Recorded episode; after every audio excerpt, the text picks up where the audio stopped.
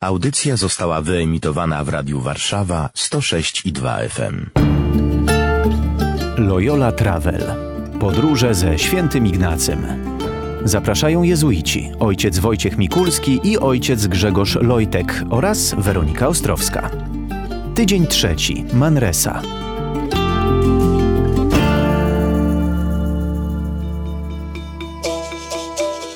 Z opowieści pielgrzyma. W owym czasie mieszkał wzmiankowany pielgrzym w pokoju, który mu dali dominikanie w swoim klasztorze.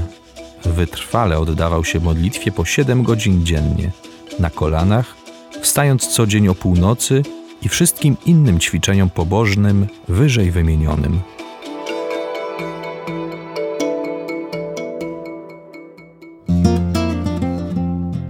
Razem ze świętym Ignacym schodzimy z Monserratu, z sanktuarium, do którego się udał i tam odbył spowiedź ze swojego życia, ale ta spowiedź to pierwszy etap na tej długiej drodze wciąż do nawracania się i do odkrywania Bożych dróg i te drogi zaprowadziły go 20 kilometrów na południe od Monserratu do Manrezy, do klasztoru dominikańskiego. Tam znalazł schronienie, a dzisiejsza Manreza jak wygląda? Dzisiejsza Manreza to niedużo duże miasteczko w stylu gotycko-romańskim. Można powiedzieć takie miłe, przyjemne miasteczko. Jest oczywiście też wspólnota jezuitów, jest dom rekolekcyjny, jest grota, w której jezuici wierzą, że tam Ignacy przebywał i pisał ćwiczenia. Warto też dodać, myślę, że jest droga świętego Ignacego, tak jak jest droga do Santiago de Compostela, do Jakuba, tak samo jest droga świętego Ignacego, ona wiedzie od Loyoli właśnie do, do Manrezy. Są wytyczone przystanki, jest kierunek pokazany, w 2-3 tygodnie chyba można ją pokonać, ona jest czynna tylko w sezonie letnim. Także można w praktyce przejść tę drogę, którą przeszedł święty Ignacy. Powiedział ojciec o tej jaskini. Ta jaskinia to bardzo ważne miejsce w tym czasie dla świętego Ignacego. Tak, Manreza bardzo ważne miejsce, ponieważ oprócz tej drogi takiej fizycznej, którą przeszedł, to przeszedł również drogę duchową, bardzo taką mocną. No to była taka droga walki duchowej. Warto zwrócić uwagę, że Ignacy do tego się trochę przygotował, to nie było takie tylko czytanie tego, co mu Pan Bóg powiedział, tylko on się zaangażował w to. W tym fragmencie, który słyszeliśmy, jest mowa, że on poświęcał 7 godzin na modlitwę. To a więc jest bardzo dużo. To jest bardzo dużo, ale to też pokazuje, że on miał pewien plan. Mhm. On miał plan dnia, bo on pomagał innym, pomagał w szpitalu, miał czas na modlitwę, czas na posiłek jakiś tam, czas na sen. Czyli musiał mieć plan dnia, który to plan sprawił, że on się otworzył na Pana Boga. Wyeliminował też te wszystkie elementy, które mogły mu zakłócać ten kontakt z Panem Bogiem. Czy taka dyscyplina na duchowej drodze jest nam potrzebna? No bo Ignacy skądś musiał, nie wiem, czy dowiedzieć się, czy wpaść na ten pomysł, że potrzebuje dyscypliny po to, żeby teraz w tej mojej duchowej drodze trwać. Czy dyscyplina w takim ujęciu tak, bo dzisiaj, jeżeli wybieramy się na rekolekcje to są one w całkowitym milczeniu. I w takich rekolekcjach ja też zachęcam na rozmowie, zachęcam, żeby sobie napisać plan. Dzisiaj bardzo często my mamy wiele takich pragnień, które nie są w stanie zaistnieć. Mam tu na myśli chociażby bardzo prosta rzecz: w niedzielę chcę iść do kościoła.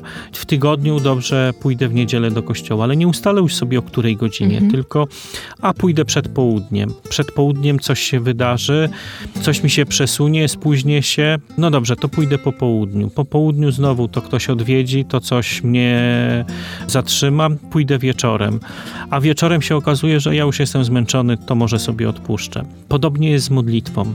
Chcemy się pomodlić, mamy wielkie pragnienia, że jutro na pewno się pomodlimy, ale jeśli tego sobie nie zaplanujemy, jeśli tego sobie nie wpiszemy w plan, w swój plan, to najprawdopodobniej się nie pomodlimy. Najprawdopodobniej coś się wydarzy, że my tego czasu dla Pana Boga nie znajdziemy.